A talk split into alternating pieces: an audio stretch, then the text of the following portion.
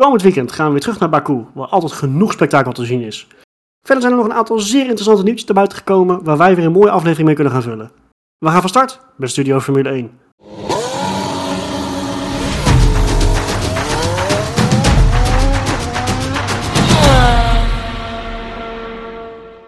Heren, welkom. We hebben een weekje kunnen, eh, kunnen rusten. Nou, rusten. Er is genoeg gebeurd in de afgelopen paar dagen. Komend weekend gaan we natuurlijk naar Baku toe. Daar gaan we natuurlijk zo lekker op vooruitblikken, want daar is altijd genoeg te zien, te doen, over te zeggen. Maar we gaan natuurlijk even beginnen bij de man van de week. De man van vorig weekend. Sergio Perez. Hij heeft natuurlijk uh, de Grand Prix van Monaco gewonnen. Voor degene die het gemist hebben, kan ik me niet voorstellen. Hij liet natuurlijk wat vallen op weg naar de, de, de Red Room. Hoe noemen ze dat ding volgens mij? In ieder geval die, die, die cooldown eh, room waar, ze, waar hij met Christian ja. Horner heen ging. Mm -hmm. Zei natuurlijk heel gek scherend van... Uh, I, I probably signed too early. Nou, en uh, dat was dus ook, zoals we ook op onze Twitter zeiden... slechts bewaarde geheim ooit. Want hij is verlengd met twee jaar. Die is denk ik wel verrassend. Dat wil ik eigenlijk even aan jullie voorleggen. Is het verrassend dat hij voor twee jaar verlengd is? Of hadden we het eigenlijk stiekem wel een beetje verwacht? Ik denk het wel. En ik denk het wel in de zin van... dat het verrassend is dat het twee jaar is en niet één jaar. Uh, gezien het talent dat Red Bull nog in de pijpleiding heeft zitten, maar ze toch eigenlijk willen lijken te, lijken te willen gaan bouwen op, uh, op Checo, nu die het zo heel goed doet. Ik vind het eigenlijk stiekem wel een klein beetje riskant nog wel voor ze zelfs. Ik weet niet hoe jullie erover denken. Hoezo riskant? Ja. Gezien zijn leeftijd en uh, het feit dat hij vorig seizoen niet zo heel goed draaide eigenlijk. Misschien, maar, misschien wel riskant, een beetje te risky dat, dat je een beetje het Ricciardo effect nog gaat krijgen. Nou, ik denk dat het wel meevalt. Hij zit dit jaar er zoveel dichterbij dan, dan afgelopen jaar. Mm -hmm. En ze gaan nu de komende jaren voortbouwen op deze auto. Waar hij dus, nou ja, als hij de races uh, goed mee overweg kan. Dus op zich vind ik het niet zo heel gek. En twee jaar is toch een stukje zekerheid. En dat brengt meestal ook wel rust bij de coureur zelf. Kijk maar naar hoe dat met... Uh, Bottas en Mercedes ging. Die kregen elke keer maar uh, een jaartje. En dan zit je toch net niet lekker. Ja, en als je naar de andere kant kijkt, heb je een Carlos Sainz die er op dit moment uh, vrij weinig van bakt. Het kan de andere kant ook opdraaien. Ja, maar goed, dat is toch inmiddels al bewezen dat Perez met dit concept auto goed om kan gaan. Uh, en precies wat Chris zegt, dit gaat de komende jaren, als het goed is, niet heel erg veranderen. Dus je kan ervan uitgaan als Perez met de basis om kan gaan en je daar verder op kan bouwen. Ja, waarom nog niet zou ik zeggen. Eh, nee, nee, daar heb je wel een punt. Ja, ik vind het ook niet riskant. Is een man met ervaring en hij doet het gewoon goed. En natuurlijk altijd Max Verstappen is natuurlijk de man die het moet doen. Dus uh, als Perez iets terugvalt in performance is ook niet direct de ramp. En Red Bull heeft ook niet zoveel opties meer achter de hand. Ik denk dat Gasly uh, vertrekt uh, bij het Red Bull concern. Nou, dan heb je ook niet iets anders. Dus dan voor twee jaar, en wat Chris zegt, dan heb je gewoon continuïteit in je organisatie. Dat is gewoon, gewoon prima. Dus zo verrast ben ik er niet over. Nee, en voor de, voor de man zelf ook gewoon goed. Ik bedoel, hij zit lekker in zijn vel, hij doet het gewoon goed. Alleen ja, het is gewoon de vraag van, tenminste dat is niet voor mij de grote vraag, van hoe gaat het lopen indien hij inderdaad wel zo sterk blijft en mee blijft strijden om het kampioenschap. En we hebben natuurlijk uh, eerder bij Red Bull gezien met Vettel en Webber, en Multi 21 is iedereen uh, nog wel bekend. Weet je, uh, dat, dat gaat dan op een gegeven moment misschien wel, wel botsen. Nou, al ja. denk ik niet, maar... Maar dat wordt nu natuurlijk ook een beetje opgeklopt. Hè? Het doet mij een beetje denken aan Bottas, die dan aan het begin van het seizoen wel eens voor Hamilton kwam. Dan zei iedereen, ja, Bottas 2.0, nu gaat hij Hamilton verslaan. Dat is dit ook een beetje. Dat wordt natuurlijk ook een beetje opgeklopt door de media. Kijk, Perez is een keer misschien iets sneller in Monaco, maar over het algemeen zal Verstappen daar gewoon de dienst uit maken. En dat loopt wel los, uh, denk ik. Oh, zo opmerkelijk. Over Bottas gesproken. Een beetje uh, vergelijkbare carrière, denk ik, met Perez. Want Perez is natuurlijk in 2020 nog bij Force India. En zou eigenlijk vervangen worden door Vettel, dat was al bekend. Eigenlijk was er helemaal geen stoeltje voor hem. En door het slechte presteren van eerst Gasly en, en daarna Albon is uiteindelijk bij het Red Bull uh, terechtgekomen. Ja. Wat Bottas ooit had bij, uh, bij Williams zat hij. Nou, was misschien ook al een beetje doodlopend spoor. En toen stopte Rosberg in één keer plotseling naar zijn titel. En kreeg hij in één keer een zetje bij Mercedes. Zoals met Perez ook een beetje bij Red Bull. Uh, ja, daar heeft Bottas er nog geluk mee gehad dat een uh, Hulkenberg nog, uh, daarvoor nog getekend had bij, uh, Renault. bij, bij Renault destijds. Want anders ja. was hij stond als eerste op de shortlist, wist, wist ik nog wel. Ja. Uh, wel een beetje een punt, inderdaad. En Hulkenberg trouwens gesproken, dat was toen ook. Het ging tussen Hulkenberg en Perez. En ik weet nog dat kan Verstappen neigt eigenlijk al een beetje naar Hulkenberg. Maar Perez won toen geloof ik, voor Racing Point was dat de Grand Prix van Bahrein. En toen Klopt. kreeg hij de kans. Toen zei Helmut Marco, ja. nee we nemen Perez. Dat is een constante rijder, die staat er in de races. En ja, als je nu dit jaar ziet rijden, is gewoon dik verdiend. Ah, dat ja, is zeker waar. Dat, Hartstikke ja. goed. Er kwam ook zo'n artikel tegen. In 2006 reed hij Formule BMW voor uh, Muke, geloof ik. En die zei dat Perez echt een lui varken was. En hield wel van feesten. En nu is, nu is Perez natuurlijk vorige week een beetje uit de bocht gevlogen. Die was na de race in één keer een andere vrouw eh, aan het schuren. Ja goed, als je net eh, weer vader bent geworden, is dat niet zo heel lekker. En volgens mij heeft hij ook excuses aangeboden op social media. Maar dat vond ik ook wel een opmerkelijk verhaal. Perez is natuurlijk ook wel iemand die zijn door zijn sponsoring altijd wel een beetje in de Formule 1 gebleven is. Ja, ja, ja. Schijnt. Maak, maar maak je geen goede, goede beur mee, denk ik dan maar weer. Nee, nee maar het, het schijnt, dat hoorde ik, volgens mij hoorde ik dat op, op Ziggo van, van het weekend, dat ze zeiden dat Perez die krijgt dus eigenlijk helemaal niet betaald, schijnbaar. Die, die neemt zijn zijn geld mee, wat ik een beetje vreemd vond. Nou, dat zou kunnen dat er een bepaalde Ja, dat- constructie... Telcel, toch? Ja, dat er is constructies met een sponsoring. En een deel van, daarvan, van die sponsoring, gaat dan misschien in het salaris zitten. Dat, dat zou kunnen. Ah ja. Dat komt er wel eens Ja. vaker voor. Voor mij was dat ooit, ooit ook met Alonso bij, eh, bij McLaren. Toen kwam Santander dan als sponsor en die betaalde ook een deel van het salaris. Dat, dat hoor je wel Ja. vaker. Maar dat is niet zo'n dik salaris als Max Verstappen krijgt met zijn 50 miljoen. Dat Ja, dat, dat zal wel niet, nee.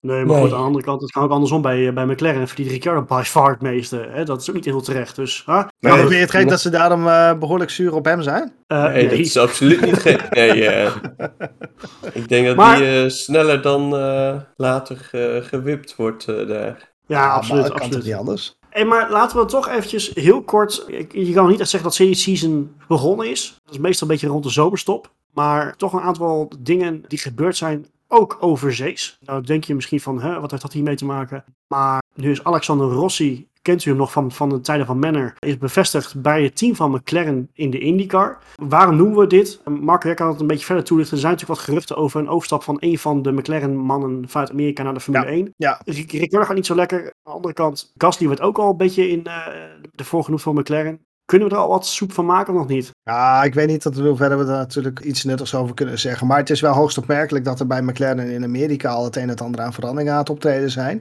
Alexander Rossi natuurlijk een, eh, echt wel een eh, degelijke coureur in IndyCar. Krijgt nu het zitje in het team van Zach Brown. Betekent ook dat een van de twee huidige coureurs van McLaren, die eigenlijk allebei wel genoemd werden bij het McLaren eh, F1-renstal. Nou, Roosquist niet, toch? Ro nee, Rosenqvist in die zin nog niet. Maar ook, volgens mij heeft hij er trouwens ook nog een keer rond getest. Weet ik niet helemaal zeker. Maar Ja. natuurlijk Pedro Award wel. Ja, die, ja. Wordt, die wordt heel nadrukkelijk genoemd om nou, de laatste tijd zelfs in het stoeltje van Ricciardo te moeten gaan zitten. En gezien de prestaties van Ricciardo op dit moment is dat niet een, niet een hele gekke keuze, denk ik, die ze daar eh, kunnen nemen. Misschien een beetje riskant, maar ik denk op dit moment kan je hem daar misschien nog wel beter hebben zitten dan een Ricciardo die op dit moment op deze, eh, deze manier presteert. En ja, Ja. de vraag is dan, ja, waar, gaat, waar gaat een Ricciardo dan heen? Die zal dan, die zal dan ook wel de oversteek maken richting IndyCar, NASCAR, denk ik. Iets in die orde van grootte in elk geval. Ja, Eh, Het feit dat daar het een het ander aan het veranderen is, zou wel kunnen duiden op dat er misschien ja, een soort van rijdersruil gaat plaatsvinden. Tussen, tussen twee series in elk geval.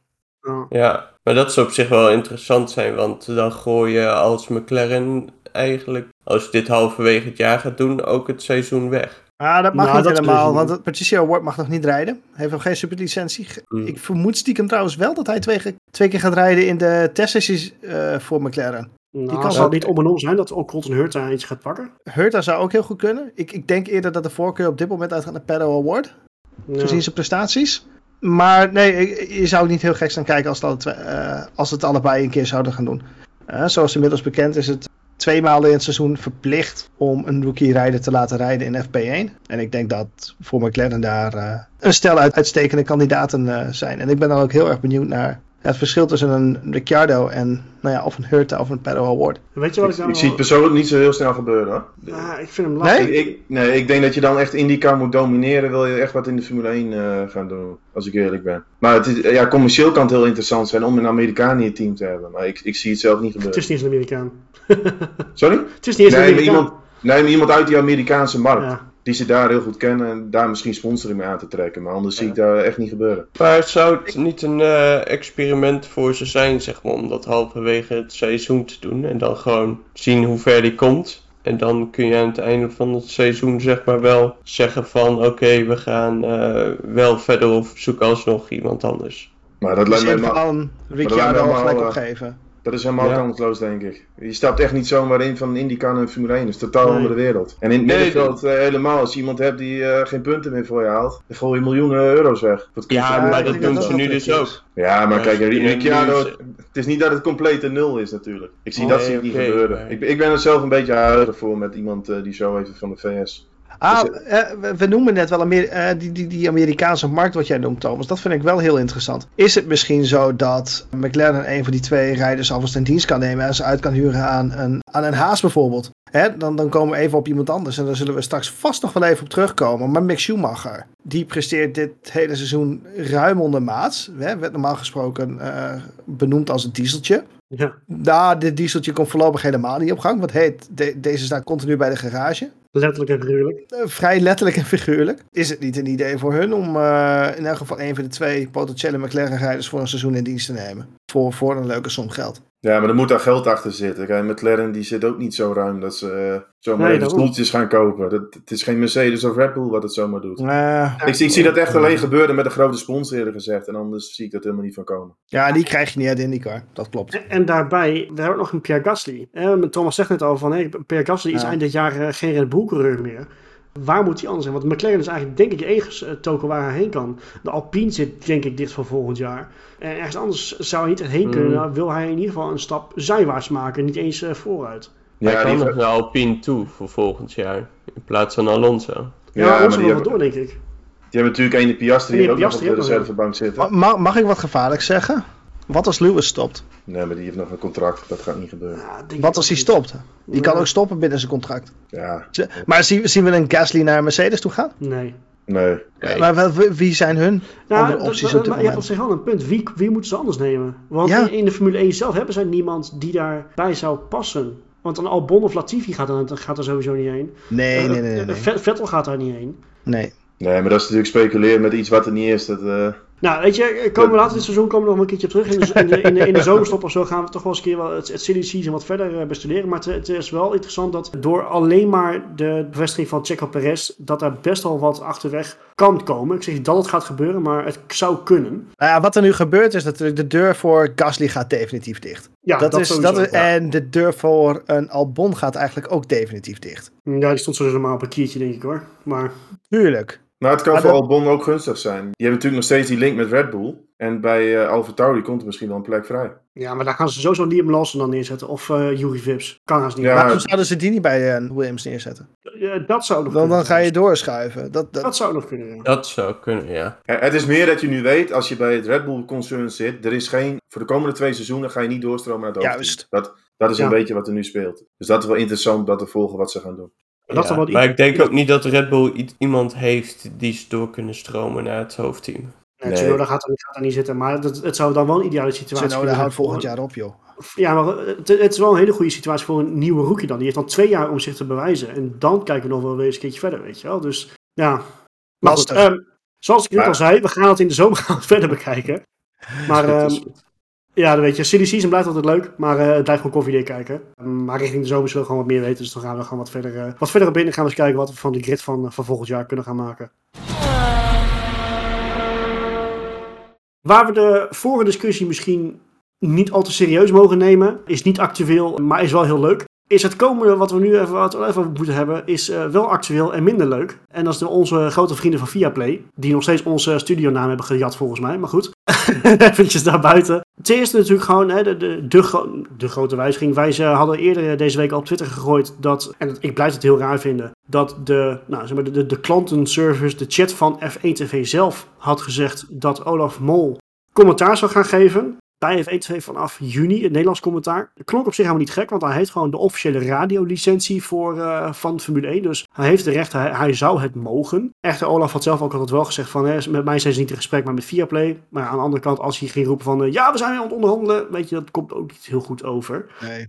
Maar goed, puntje bepaaltje is gekomen dat eh, het duo van Viaplay, uh, of het trio, als je het um, als alle kalf meerekent, te horen is vanaf, vanaf de Grand Prix van ba Azerbeidzjan op F1 TV. Dit valt samen met een, sorry voor de bewoording, een shitload aan klachten die bij Viaplay ligt. Waar Viaplay niet op reageert, maar inmiddels de Consumentenbond wel op heeft gereageerd. Het gaat, als ik het even netjes mag uitdrukken, niet heel erg soepel, denk ik, bij Viaplay. We kunnen er heel technisch op gaan induiken. Het enige wat ik er op, op technisch vlak over zou kunnen en willen zeggen, is dat men roept in ieder geval dat Viaplay het waarschijnlijk onderschat heeft. Waar we dan op doelen is dat ze eigenlijk simpelweg te weinig bandbreedte hebben ingekocht. Dat, uh, dat, dat moet je tegenwoordig gewoon doen als je streamingsdiensten uh, hebt. Waardoor hè, heel veel mensen gewoon klachten krijgen met lage beeldkwaliteit. Je bent natuurlijk altijd afhankelijk van je eigen netwerk thuis. Maar er zijn dus een mega lading aan klachten over beeldkwaliteit die gewoon niet goed is voor, mensen die een perfect thuisnetwerk hebben. Zoals uh, ondergetekende hier zo. Maar goed, even uh, gewoon over Viaplay zelf. Denken we dat dit heel veel impact voor ze gaat hebben? Dan heb ik het vooral over de abonnementen of abonnees van hunzelf. Ja, want ze gaan natuurlijk, het, commentaar wat je daar hebt, kan je op F1 TV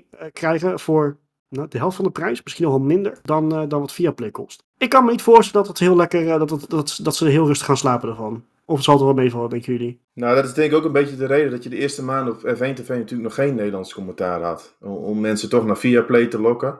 En ik ben op zich ook wel benieuwd, want nu heb je gewoon twee, in principe twee diensten naast elkaar. Het enige wat voor, voordeel wat Viaplay dan voor je zou kunnen hebben, is een Nederlandse voor- en nabeschouwing. Nou ja, is dat de meerprijs waard? Dat vraag ik me af. Dus dat, dat ja. is, nee, in, in dat opzicht, je kan gewoon hetzelfde commentaar straks op F1 TV gaan luisteren. Ja, Ja. daarom, kijk, als, als je het niet van mij persoonlijk vraagt, ik ben de enige van ons vieren die echt dan eh, de ervaring heeft met Viaplay een aantal races. En ik heb inmiddels, eh, heb ik hem al, al opgezegd. Omdat, eh, juist wat Thomas ook zei, de voor- en nabeschouwing is echt drie keer niks. Kijk, het fanboy gehad wat je bij Ziggo had, het was, dat sloeg af en toe ook helemaal nergens op. Maar het was wel vermakelijk. Die mannen hadden lol, die hadden plezier in de sport. En eh, bij Viaplay is het zo steriel, zo serieus. En, en Christian Alps die geen fatsoenlijk Nederlands kan eh, met zijn uitspraken, weet je, dat soort dingen. Eh, soms hebben ze echt fantastische analisten daar hebben ze erbij zitten. Wij zijn allemaal groot fan van Hoop in Toen bijvoorbeeld. Die kan heerlijk vertellen over de sport. Dus, Kees van der Gint zit er wel eens bij, top, top fan. Ehm, eh, nu ook steeds vaker die Ernst Knors, als ik het goed zeg. Die oud BMW-monteur of technici. Weet je, ze hebben, daar hebben ze echt wel hele kundige gasten. Maar verder is het, er is gewoon totaal geen lol aan, lol aan te beleven. Dat wil je denk ik als kijker ook wel een beetje. Nou, je hebt misschien wel twee uitersten. Want Ja. kijk,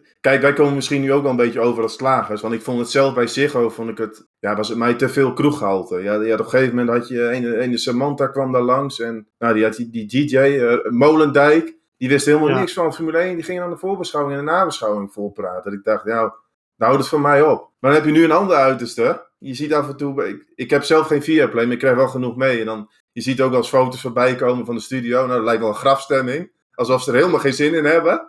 Dan denk je van, ja, je had het misschien een beetje moeten com- combineren. Wel een beetje sfeer erin, maar ook inhoudelijk wel sterk. Dus, want ja, je gaat nu van het ene naar het andere, andere uiterste in, in Ja. feite. Een van de grootste fouten waarvan ik denk dat ze die gemaakt hebben, is bijvoorbeeld door een Robert Dorenbos niet mee te nemen. Dat is, Ja. dat is iemand die, wat mij betreft, altijd de perfecte combinatie was van een eh, heleboel kennis, maar ook een goed sfeergehalte. Die kon leuk vertellen, Mhm. die was enthousiast. Die, Weet wat de fan wil.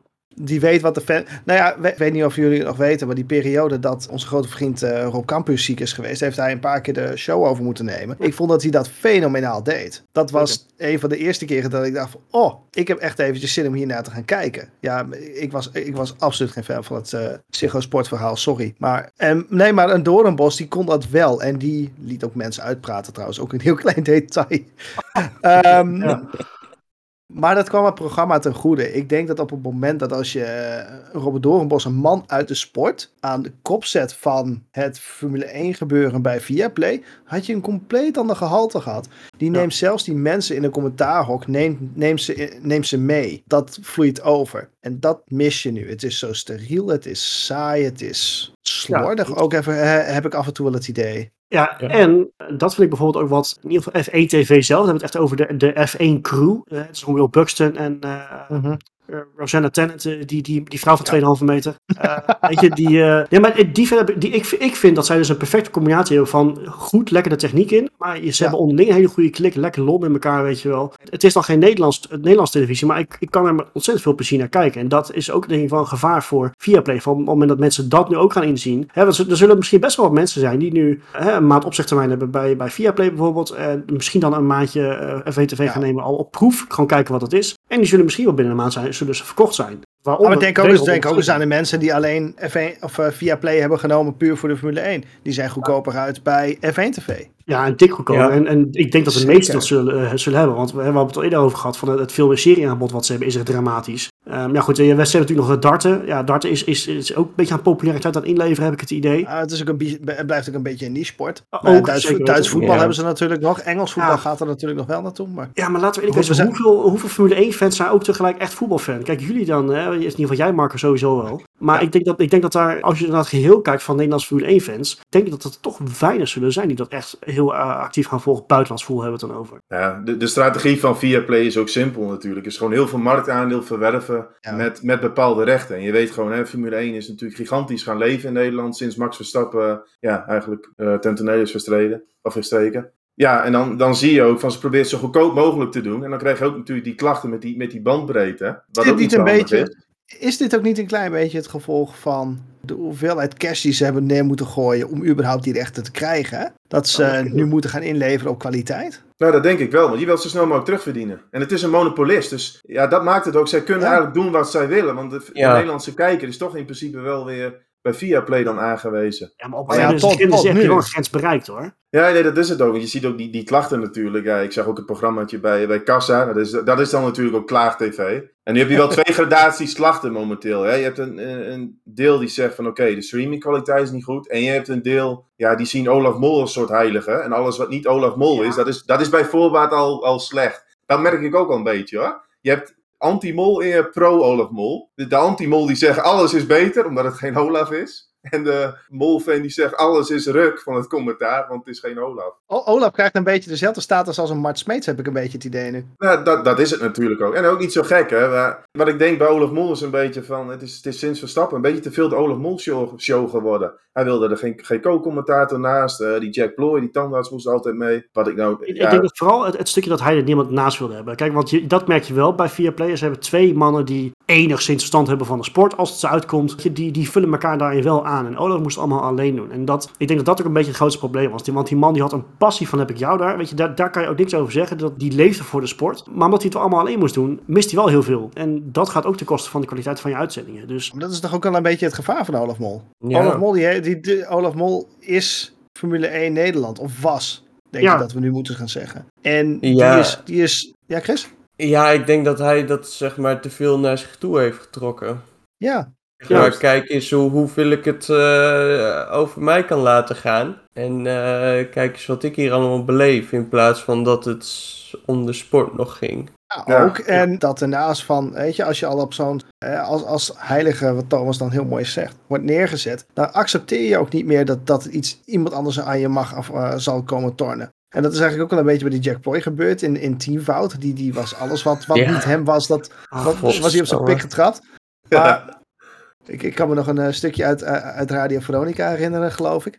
Ehm, Ja, maar dat is gewoon zonde. En je hebt nu een ander uiterste, wat eigenlijk heel, misschien ook wel heel erg onzeker oogt en voelt. Nou, dat vind ik dus wel meevallen. Ik vond bijvoorbeeld hè, bij de eerste Grand Prix, Grand Prix, weet ik hoe je het moet zeggen, eh, dat bijvoorbeeld die, die Stefan Cox, dat, eh, als pitreportster, hartstikke leuke meid, leuk om te zien, maar de eerste paar races was ze echt heel, eh, precies ik zeg, heel zenuwachtig. Het kwam al wat onzeker over. Ze ging zichzelf ook voorstellen aan de mensen die ze ging interviewen, weet je wel, van hoi, ik ben Stefan, ik doe dit en dit. Ik denk van ja, prima dat je het doet, hoeft ook niet op camera. Maar dat is inmiddels wel afgenomen. Hoe zij al, ook met die, met die eh, bijvoorbeeld Tom Christensen en David Coulthard, echt toppers uit de paddock, hoe ze daarmee staat te praten. Dat doet ze hartstikke leuk. Weet je, dus dat, eh dat nieuwige, dat, dat onzekere, dat is er, vind ik er wel een beetje af. Maar juist dan moet je gaan presteren. En die prestaties. Ja, die komen eh, niet. Die komen niet. Dat is gewoon zo jammer. Het is, het is er wel namelijk een team, een dienst met ontzettend veel potentie. Maar het, het ja. Dat komt er niet uit. Nee.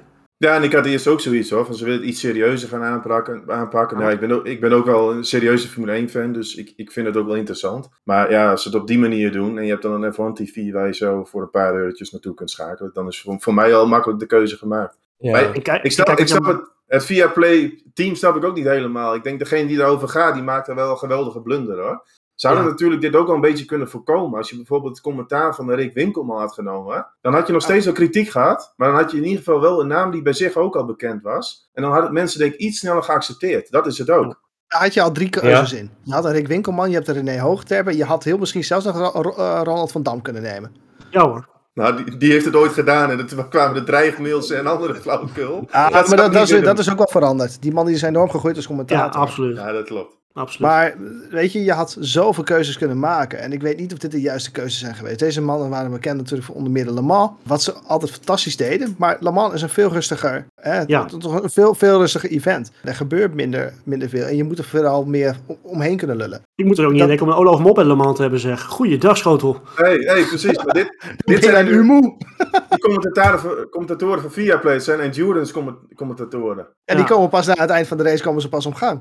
Ja, ik heb dat ook wel aangegeven. Het is, ja, het is echt een beetje alsof je bij een begrafenis bent, toen Ja. ik hem een keer gehoord heb. Ja, ja, het is een beetje te droog dan, denk ik. Zeg maar wel Ja. de kennis, maar het niet kunnen overbrengen. Ja, nou ja, dat Ja, is het. klopt. Maar smaken verschillen. Wij hadden dit natuurlijk ook wel voorspeld. Van verandering, dan weet je dat er heel veel klachten komen. Alleen ik vind vooral, voornamelijk het stukje streaming vind ik dan wel, eh, wel kwalijk. Ja, en als je ook kijkt op, op een Trustpilot, 1.1 geloof ik. Ja, dat, dat is er geen cijfer om trots op te zijn. Oi, oi, oi. Nee, Ja. en, en weet je ook, heel, heel, veel, heel veel klachten daar zijn ook ongegrond, weet je, daar moeten we ook eerlijk over zijn. Eh, en, en ik weet ook uit, uit mijn werkverleden van, eh, bij verschillende ehm, eh, internetproviders van, blije mensen hoor je nooit. Je hoort alleen maar de klagende mensen, weet je, Nee, dus dat dat, is dat, dat, dat is ook zo. En dat is ook helemaal niet erg, maar precies wat Thomas zegt, het, het stukje kwaliteit wat ze niet eens kunnen bieden, wat je wel verwacht waar je goed voor betaalt, dat is wel pijnlijk hoor, maar goed. Wat, wel, wat, wat je hier wel als een positief iets uit mee kan nemen, is dat de Nederlandse F1-fan wel zeer gepassioneerd is wat dat betreft. Ah, misschien wel, zeker weten. Als, als je het zo bekijkt. Ja, Ja. en natuurlijk ook het internet van tegenwoordig. hè. Als je ergens niet tevreden over Ah, bent, kun je het zo is- laten, eh, zo uiten. Dat is natuurlijk ook wel veranderd. eh.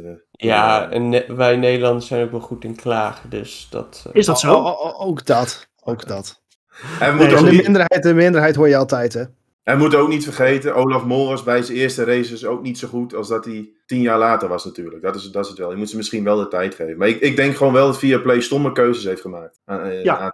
Ja, je had kunnen veranderen, maar ze zijn nu van het ene uiterste te ver naar het andere uiterste gaan. Je moet een beetje een middenweg vinden. Ja, goed gezegd. Ja, zeker weten. Nee, ehm, weet je, we, we kunnen hier natuurlijk ook heel lang over doorgaan. Het is over silly season. Het is gewoon eventjes eh, aankijken hoe het nu gaat lopen voor ze. Wat, wat de klanten gaan doen. Maar het is wel iets wat gewoon echt heel veel impact kan hebben voor de Nederlandse Formule 1-markt. Dus wel even goed om eventjes eh, mee te nemen. Ja. Maar goed, we gaan, eh, we gaan zien hoe het, hoe het loopt. Nou, we hebben genoeg lopen zeiken. Laten we het hebben over, eh, over leuke dingen en ook hetgene waarom we dit doen. Eh, namelijk dat er wordt, wordt gewoon nog daadwerkelijk geraced komend weekend. Heel verrassend. We, gaan, eh, we gaan naar Azerbeidzjan, naar het circuit van, van Baku. Met uitzondering van de eerste editie die niet om aan te zien was, is het elk jaar eigenlijk spektakel gegarandeerd daar zo. Komt natuurlijk ook door, door de baan zelf best wel een pittig, ja, oh, best wel pittig baantje. Een paar hele bijzondere stukken, waaronder het kasteel, waar je met een halve auto doorheen kan. Nou, weet je, de circuit zelf eh, kunnen we kort over zijn. Spectaculair, technisch. Ik denk ook lastig om, je auto goed af te stellen. Met een, een, een rechtstuk van eh, 30 kilometer volgens mij is het best wel een, een pittige om onder de knie te krijgen, denk ik, eh, qua afstelling. Laten we gewoon even naar de kanshebbers kijken. De, de usual suspects, eh, Ferrari en Red Bull, die mogen we weer vooraan verwachten. Hebben we een beetje een idee van wie vooraan staat? Want Red Bull heeft over algemeen op de rechtstukken eh, het voordeel. Ferrari in de, ja, de, de, de techni- technische gedeelte wel. Ik denk, ik, ik denk zelf dat het best wel weer heel erg krap kan gaan worden. Of denk je dat het toch wel een uitgesproken favoriet zal, eh, zal zijn? Nee, ik denk ook wel weer dat het eh, krap gaat worden tussen die twee. Ja. Je hebt natuurlijk afgelopen twee races dat Ferrari eigenlijk een stuk sterker was. Dat werd niet omgezet in overwinningen. Maar wat je zegt, Roy, op die rechte stukken is de Red Bull doorgaans iets, iets sneller. Toch een paar kilometer per uur meer topstaan. De langzame bocht is de Ferrari beter. Ja, Baku is eigenlijk een combinatie van beide. Lange rechte stukken en langzame krappe bochten. Dus het kan een hele interessante race worden. Dat je ja, de Red Bulls op de rechte stukken een beetje sneller ziet en de Ferraris, waardoor je qua rondetijd heel dicht bij elkaar uitkomt. Alleen wat we ook wel eerder gezien hebben, bijvoorbeeld de race in Miami, ja, dan geeft het voordeel op de rechte stukken wel net even de doorslag, wel of niet winnen. Want daar kun je toch je inhaalacties voortzetten. Nu heeft Ja. Ferrari natuurlijk wel een update gehad, ook in Spanje. En dat was ook een beetje gericht op de topsnelheid verhogen. Dus ja, ik ben wel benieuwd hoe dat gaat uitpakken. Maar ik zou zeggen, Red Bull zit hier qua snelheid weer beter bij dan de afgelopen twee races. Ligt het aan mij of heb ik het, heb ik het idee dat eh, met een rechtstuk zo lang als de A28 eh, dat de Red Bull daar beter moet gaan lopen? eh, Ik, ik heb dat echt het idee wel, dat het rechtstuk dat de hele, de hele bende gaat overheersen. Maar dat, ja, dat dat ben ik. denk ik wel. Maar dat is ook wat Thomas zegt, zeg maar. Dat Red Bull de overhand zal krijgen. Juist omdat het rechte Ja. stuk er zit. Ja, maar Ferrari kan in principe in, in de technische gedeelte kan Ferrari in theorie al heel veel terugwinnen. Kijk, op het moment dat zij nog een beetje een wat lager downforce setup zullen hebben, eh, dan kan het best wel een keer interessant gaan, gaan worden. Ja, dat is waar. Ja, maar Ik in het het technisch stuk is er volgens mij niet superveel ruimte om in te halen. Nee, maar goed, er kan je wel bij blijven. Ja, nee, klopt. Maar al- als je er dan, zeg maar, uiteindelijk op het rechte stuk toch gaat verliezen, Kijk, dan alles gaat. eh, kom je er ook niet voorbij. Wat ik wel denk is dat alles valt te staan met de kwalificatie. Dat is een klein beetje een open deur intrappen misschien. Maar mm, op het moment als Ferrari op pol komt te staan met dan wel een Leclerc, dan wel een Sainz. Al denk ik dat Sainz hem ergens in het kasteel jaagt. Nee, we hebben geen grindbak hier, hè? Dus valt mee. Eh, stond hij van de week ook weer in. Ja, dat is toch test. Fioraan stond hij ook weer in het grind. Ongelooflijk. Daar heeft hij echt een abonnement op, hè? Grindbak eh, Ja. Wordt gesponsord Heeft hij met door. Jos Verstappen gebeld of zo? Hebben, ze, ze- hebben, ze, hebben ze de verkeerde Sainz niet in die auto zitten? Ja, ik wil net zeggen, zijn vader was altijd een hele goede rallycoureur. Maar je hebt bijna het idee dat eh, Carlos Sainz senior weer in die auto zit. Man, Dat is- man, het is veel driften en eh, grindhappen. Ongelooflijk. Oké. De- de- deze mannen, hè? Maar je Ehm, kunt hier heel goed inhalen hoor. Dat, door die rechte Ja, stukken en de ja. DRS kun je die makkelijk voorbij. Dus die pole is niet eens zo, zo belangrijk, zou ik zeggen. Het komt echt weer Ah, een maar race dat weet ik niet. Kijk, dat hele kasteelgedeelte heb je natuurlijk wel. Daarin zal ongetwijfeld die Ferrari als een pijl weglopen. En alles wat daarna komt, dat, dat wordt langzaam weer sneller. Je loopt eigenlijk, hè, vanaf start-finish wordt het alleen maar langzamer tot aan het kasteel. Daarna wordt het alleen maar weer sneller. En Ja. tot, die, tot aan na het kasteel moeten ze er ruim voor kunnen blijven. Wil dat niet, dan worden ze, in- dan worden ze gepakt. Zo simpel is het ook. Ja, en, Het is de vraag wie, zo denk ik er dan over, wie dan op pol komt te staan. Nou, ik Ja. denk niet dat de Ferrari zoveel sneller is. Maar dan eh, wint Red Bull met gemak. Ja. dat is wel. Het wordt denk ik heel close tussen die twee. Ik denk dat we gewoon een mooi, Ja. mooie strijd krijgen. Ik, je kan het misschien ook wel meest vergelijken met Miami. Het was ook lange rechte stukken, wat technische gedeeltes. Werd uiteindelijk ook wel een spannende strijd. En Ja. Ferrari heeft natuurlijk wel die upgrade van een paar tienden. Ja, dus ik zou zeggen echt 50-50. Ik ook. Ook hopen, maar ja, Ja, goed. Qua afstelling ook altijd tricky. zeker, zeker. Eh, Mercedes hebben natuurlijk eh, in, in Miami hadden ze het, nee, eh Barcelona, sorry, hadden ze het goed voor elkaar. Monaco niet zo, zacht uitgedrukt. Vooral Hamilton in ieder geval niet. Die was weer in, in zijn lowrider was hij bezig. Kunnen we daar nog wat meer, meer van verwachten dat ze weer een stapje hebben gemaakt? Natuurlijk nu natuurlijk weer een dikke week zitten we, zitten we weer tussen. Je, ja, je, moet het, je mag het ook wel verwachten eigenlijk, denk ik, hè? Nou, wat Mercedes een beetje gedaan heeft met die upgrades, heb ik begrepen, is dat ze in de snelle bochten zijn ze nog steeds heel goed. Alleen door die upgrade hebben ze het stuiteren verminderd, maar hebben ze wel performance in de langzame bochten verloren. Dus dat is in Baku is dat natuurlijk niet zo'n hele goede combinatie.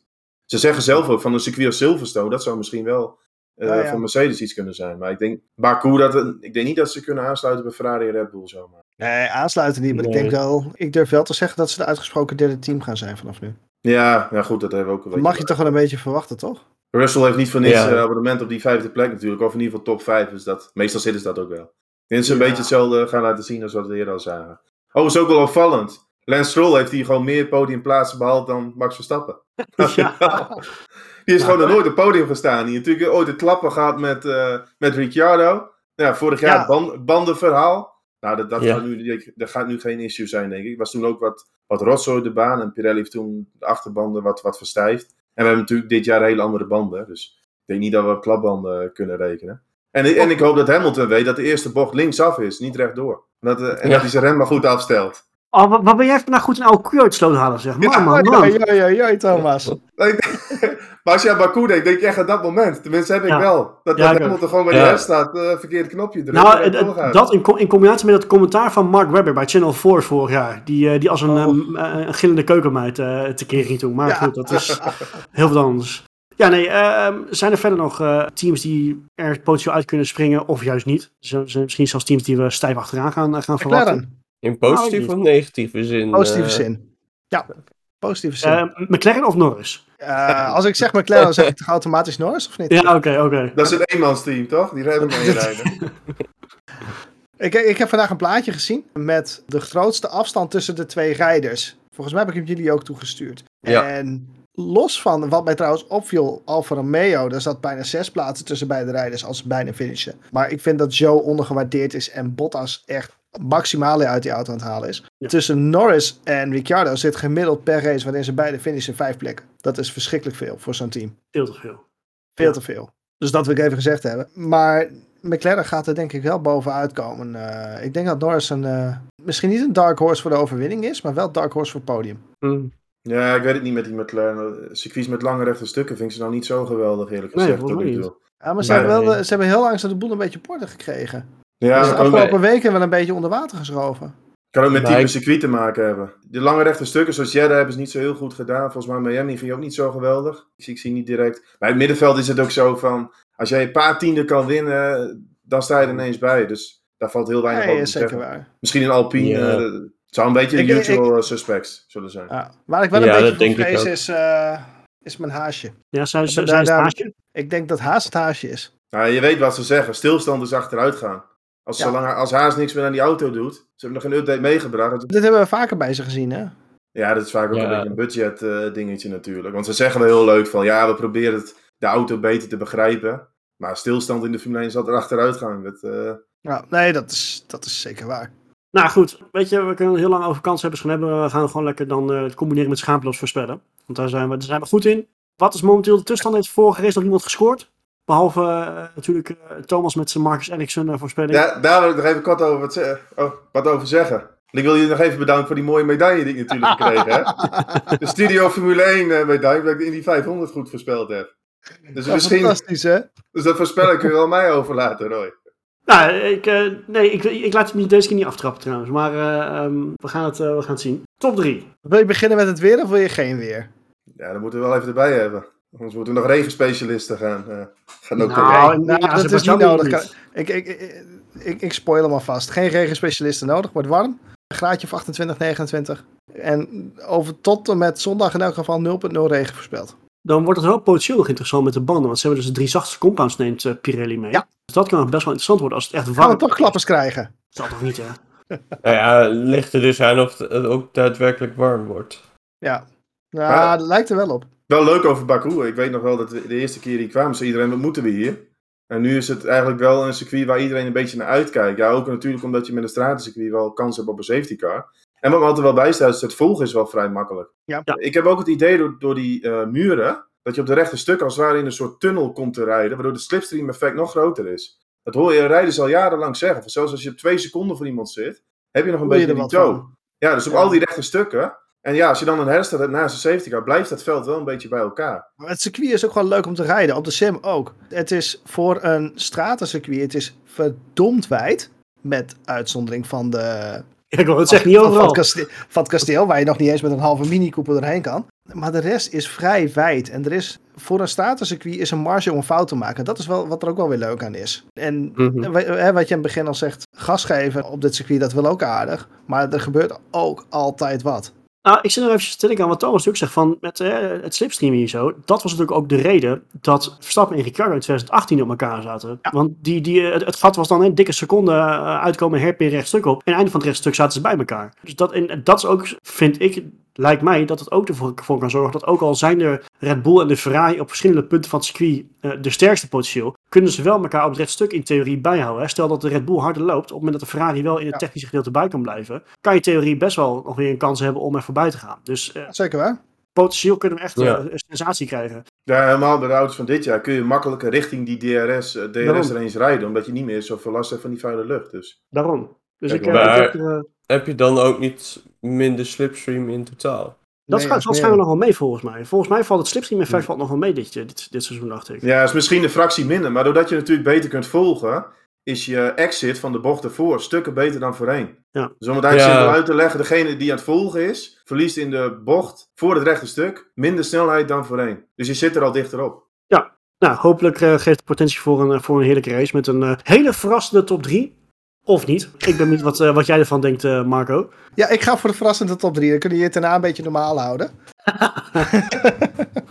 Eh, ik ben natuurlijk wel vaker van de wat ver- verrassende top 3's. Dat vind ik ook wel leuk. En dan is het ook leuk als ik het een keer gelijk heb. Dan kan ik zeggen, ha, ik zei het.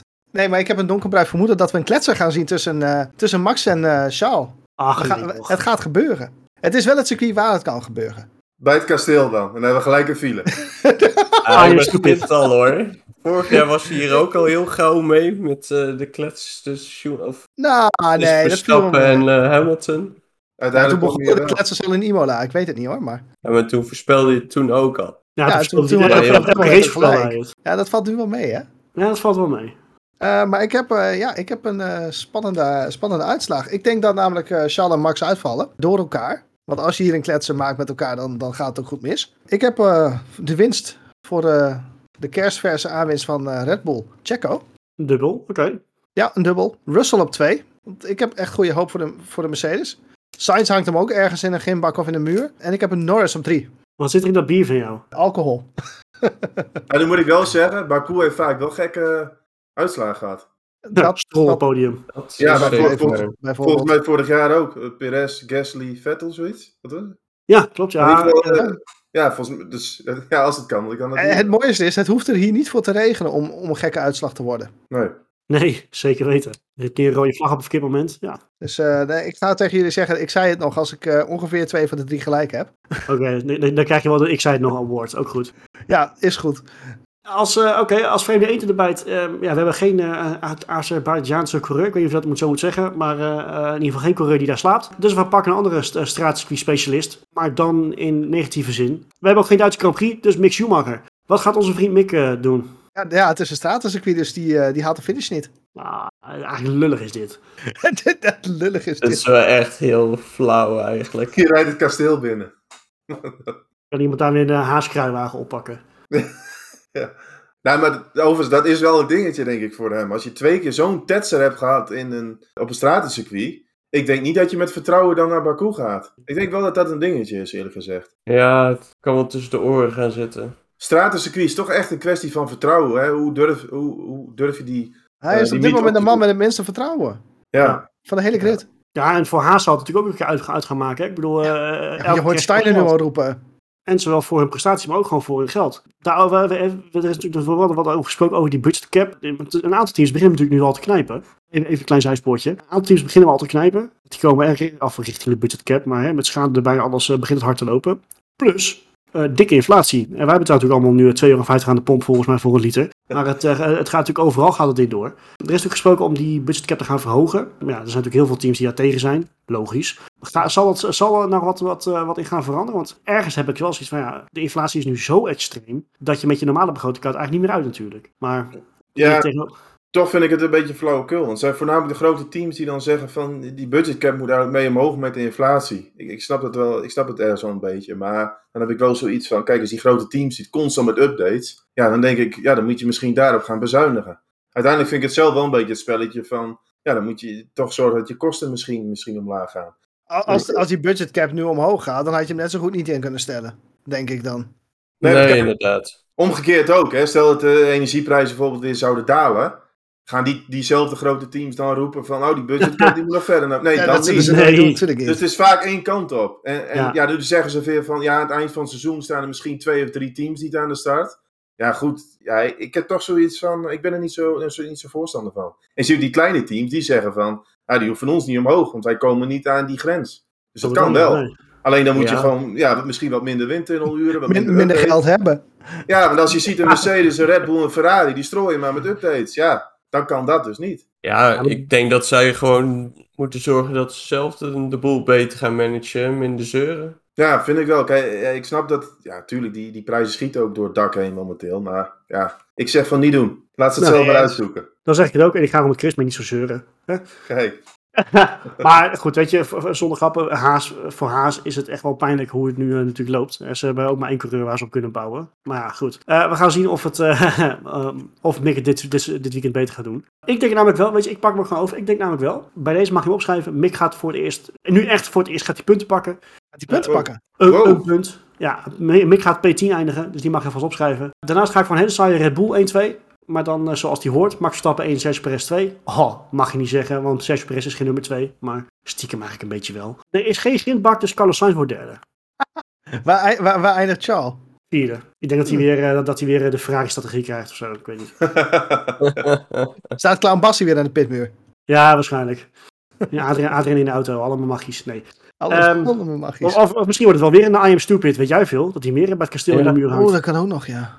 Daar zat ik eerder aan te denken. Beetje wat overmoedig of zo, zou nog wel kunnen. Nou, het is voor je, Perez trouwens wel lekker, hè? Want eh, we krijgen nu dan Baku, hierna krijgen we Canada. Allemaal een beetje stratencircuits, wat hem altijd wel ligt. Want vorig jaar won hij hier natuurlijk ook. En Ja, zat ja, hij hier ook niet zo in de race volgens mij ook niet zo heel veel bij Verstappen vandaan. Dus dat is Nee. ook wel weer interessant. tot aan de rode vlag ging het überhaupt wel goed inderdaad. Dus dat eh, zeker Ja, weten. dus ja, We moeten eerlijk wezen, als, zonder de break magic van Hamilton had hij natuurlijk niet gewonnen. Maar goed, eh, het zij zo. Chris, Ja, ik, eh, ik ga grotendeels met je mee, Roy. Maar ik denk dat Leclerc het wel eh, gewoon eh, goed doet en op de derde plek eh, terechtkomt. Dus voor mij is het Verstappen, Perez, Leclerc. En onze Duitse vriend komt op eh, P14 terecht. Oké, niet in de muur. Nee, nee, ik denk dat het op zich zeg maar, met zijn race in Miami was op zich ook wel oké. Ah. Op, op die rare grap met Vettel eh, na, zeg maar. Ja, dat is eens, eens. Dus ik vind dat er wel enigszins vergelijkbare circuits. Dus eh, zodoende. We gaan het zien. Mooi. Nou, last but not least, Thomas. Ja, ik hoor dat jullie niet zo heel veel vertrouwen in Ferrari. Dus dan moet ik daar eh, wat Ach. tegen gaan doen. Nee, ik, ik ga voor Camp Leclerc. In Maranello daar heeft het echt eh gedonderd, denk ik, eh. Binnenskamers. Daar staat de boel helemaal op scherp voor dit weekend. En Leclerc is hier altijd wel snel. Vorig jaar ook pool gereden in een Ferrari die niet Ja. eens zo geweldig was. Ja. Dus ik denk, Ferrari moet ook wel. Leclerc gaat hem hier winnen. En dan wordt, wordt eh, Verstappen tweede. En nu verwachten we een clash tussen eh, Sainz en Perez. Dus schrijft hij ook maar op. Die hangen hem eh, samen de muur in. Perez dat contract ondertekent, die wordt wat overmoedig. en, en Jij- dan, je, je, je krijgt geen bonuspunten voor je, hè? dat snap je wel. Nou, dat vind ik nou jammer, Roy. Ja. En. Maar Mr. Consistency gaat op het podium komen. P3 voor George Russell. Oeh, Ja, Oké. En Mick Schumacher, nee, die gaat heel defensief rijden. Die durft niks meer. Maar die eindigt dan op de dertiende plaats. Oh, even een vraagje over Mr. Consistency gesproken. Chris en, eh, Chris en Roy. ja. Mr. Consistency, nog steeds top 5? Nee, Ja. ik verwacht juist heel Nee. weinig Mercedes. Ik verwacht dat Mercedes echt problemen gaat krijgen hier zo. Oh, grote problemen bij Mercedes. Ja, ik gok, ik gok je, maar onderbuikgevoel. Maar ja. Dit is Ik dan Chris- ik weet niet of Chris me bedeelt. nee, nee, ik denk dat P5, P6 moeten wel... eh, Ja, ik P6 denk wel is al mis, hè? Ja, daar heb je het niet over. Ja, P6 is mis. Dat is foute boel voor Mr. Consistency. Wat een Ja, ik denk op dat P6. P5 Direct gewoon wel te doen moet zijn hoor. Oké. Want i- ik zie verder ook geen andere auto die zeg maar wel dichterbij die twee topteams gaat komen. Dus In het wielrennen hebben ze daar een mooie term voor. De chas patat. Een beetje niemandsland. Geen aansluiting met de voorkant. En van achteren Ja. zitten ze er iets vanaf. Beetje Beetje Red Bull van een paar jaar geleden. Ja, daar lijkt het ook wel een beetje op bij Mercedes. Ja, nou goed. We gaan het zien, jongens. Eh, ik hoop dat de race net zo mooi is als dat we het nu allemaal voorspellen en hopen. Ik denk er eigenlijk stiekem van wel, maar eh, even afkloppen hier zo. We gaan het zien volgend weekend. Hebben we voor nu nog nabranders? Ja, ik heb nog eentje. Het eh, leukste race-event van het jaar is, eh, of de leukste race van het jaar moet ik zeggen, is, eh, is dit weekend ook. En dat is de 24 uur van Le Mans. Mag ik Oh, altijd goed. graag naar kijken. Maar het vervelende is, en dat is voor jullie als eh, luisteraar misschien ook en kijker ook wel heel goed om te weten. De race in Baku begint om 1 uur. En dat is ja, eigenlijk een beetje gelijk met het moment dat de laatste fase van de 24 uur race eh, bezig gaat. Eh, de 24 uur van Le Mans begint van 4 tot 4. 4 op zaterdag tot 4 uur 's middag zondag. Dus dat loopt een beetje dubbel. Dus dat wordt dubbel schermen kijken. Eh beetje jammer. Vroeger was het altijd zo dat de 24 uur en de F1 altijd gescheiden van elkaar waren. Maar de laatste jaren wordt dat eh, steeds minder gedaan. Thomas, jij, jij had daar een goede beredenering voor, geloof ik, hè? Nou, er waren toen wat geluiden toen op een gegeven moment een beetje Formule 1 coureurs in de Le Mans had. Dat Ja. Formule 1 dat liever niet had. Dat ze ja, misschien de boel bewust gingen overlappen. Ik weet niet of dat zo is hoor, maar het viel mij ook op. In andere jaren was dat Ja, het lijkt zo. mij juist voor beide sporten lijkt het me juist hartstikke goed als je een beetje mensen hebt die eraan meedoen. Het is voor, de, voor het werk is het fantastisch. En als coureur aan kan je zo ook heel goed bewijzen. Dus ik zie het dan helemaal als win-win eigenlijk. Maar Ik kan me ene Nico Hulkenberg nog herinneren. Die hem destijds won eh, terwijl hij nog in de F1 zat. daarom. Ja, misschien dat ze niet willen dat die aandacht daar naartoe gaat. Maar Het is goed. een zonde. is een beetje losgegrepen. Het is niet, ik vind het zelf ook een beetje jammer dat er wat overlap eh, in zit. Maar goed, we hebben genoeg schermen tegenwoordig. Dus eh, dat is zeker we- waar. we redden ons wel, denk ik. Maar goed, Voor de, voor er de winnen? motorsportliefhebber genoeg te doen komend weekend weer. maar wie gaat winnen, Toyota of Toyota? Alpine. Oh, oh ja, sorry. Frans Hart is ook zo. Ah, nee, nee, maar zonder grappen. Alpine staat, eh, staat niet voor niets op dit moment aan de kop in, aan de, kop in de weg. Dus, eh, Oh, ook een beetje door technische problemen bij Toyota natuurlijk. Maar ja, dat kan natuurlijk ja, weekend dat, ook. in- Dus. op 24 uur is die kans alleen maar groter. Zeker weten. Zeker Ik, weten. ik, ik volg het niet zo meer, maar voor mij doet Team Holland het niet mee, geloof ik. Nee, Team Holland rijdt alleen IMSA dit jaar. Ja, dat vond ik wel maf. Oh, oké. Ja. niet. eh be- beetje jammer, geen Frits van Eer dus. Eh, Oh. Helaas. maar wel genoeg andere Nederlands. Renger van der Zanden doet Ja. in ieder geval weer mee. Jeroen Blekemoor doet mee. Ja, overal waar geraced Toon rijdt wordt, volgens mij ook weer mee. overal Ah. waar wordt, wordt, eh, doet Jeroen Blekemola mee. Die man die heeft wel- die heeft zo verschrikkelijk veel 24 Voor mij Soort zit hij al over de 80, 24 uur is volgens mij zit hij al. Dus bizar. ZZP'er onder de autorace is dat. Heb, heb je nog een coureur nodig voor het weekend, dan moet je Jeroen Blekemolen bellen. Ja, en hij doet het ook altijd, overal doet hij het goed. Ja, dat vind ik wel heel bijzonder. Brengt ze altijd naar de finish, geen gekke capriolen. Nee. Ik vind, het, eh, ik, vind dat Jeroen echt... Als je het dan hebt over een Mr. Consistency. Zo. Ja, Jeroen, wat dat is Jeroen volgens mij echt een van de meest onderschatte coureurs uit Nederland. Maar goed, dat is eh, misschien voor een andere Ja, keer. misschien wel, maar, ja. eh, maar goed, Maar genoeg om naar uit te kijken. absoluut. Het wordt een fantastisch weekend. Stop. Ja. We gaan hem... voor ons genoeg om naar uit te kijken. En voor ons dan ook de tijd om af te gaan, te gaan ronden. Dank jullie wel. Het was een mooie aflevering. Mooi kunnen ouwehoeren. En hopelijk wordt het net zo mooi als wat we hadden, nu hebben voorspeld en gehoopt. Dank jullie wel, mannen. Luisteraars, bedankt voor het luisteren. Kijkers, bedankt voor het kijken. En we zien jullie hopelijk eh, na de Grand van Baku, eh, zien we jullie weer.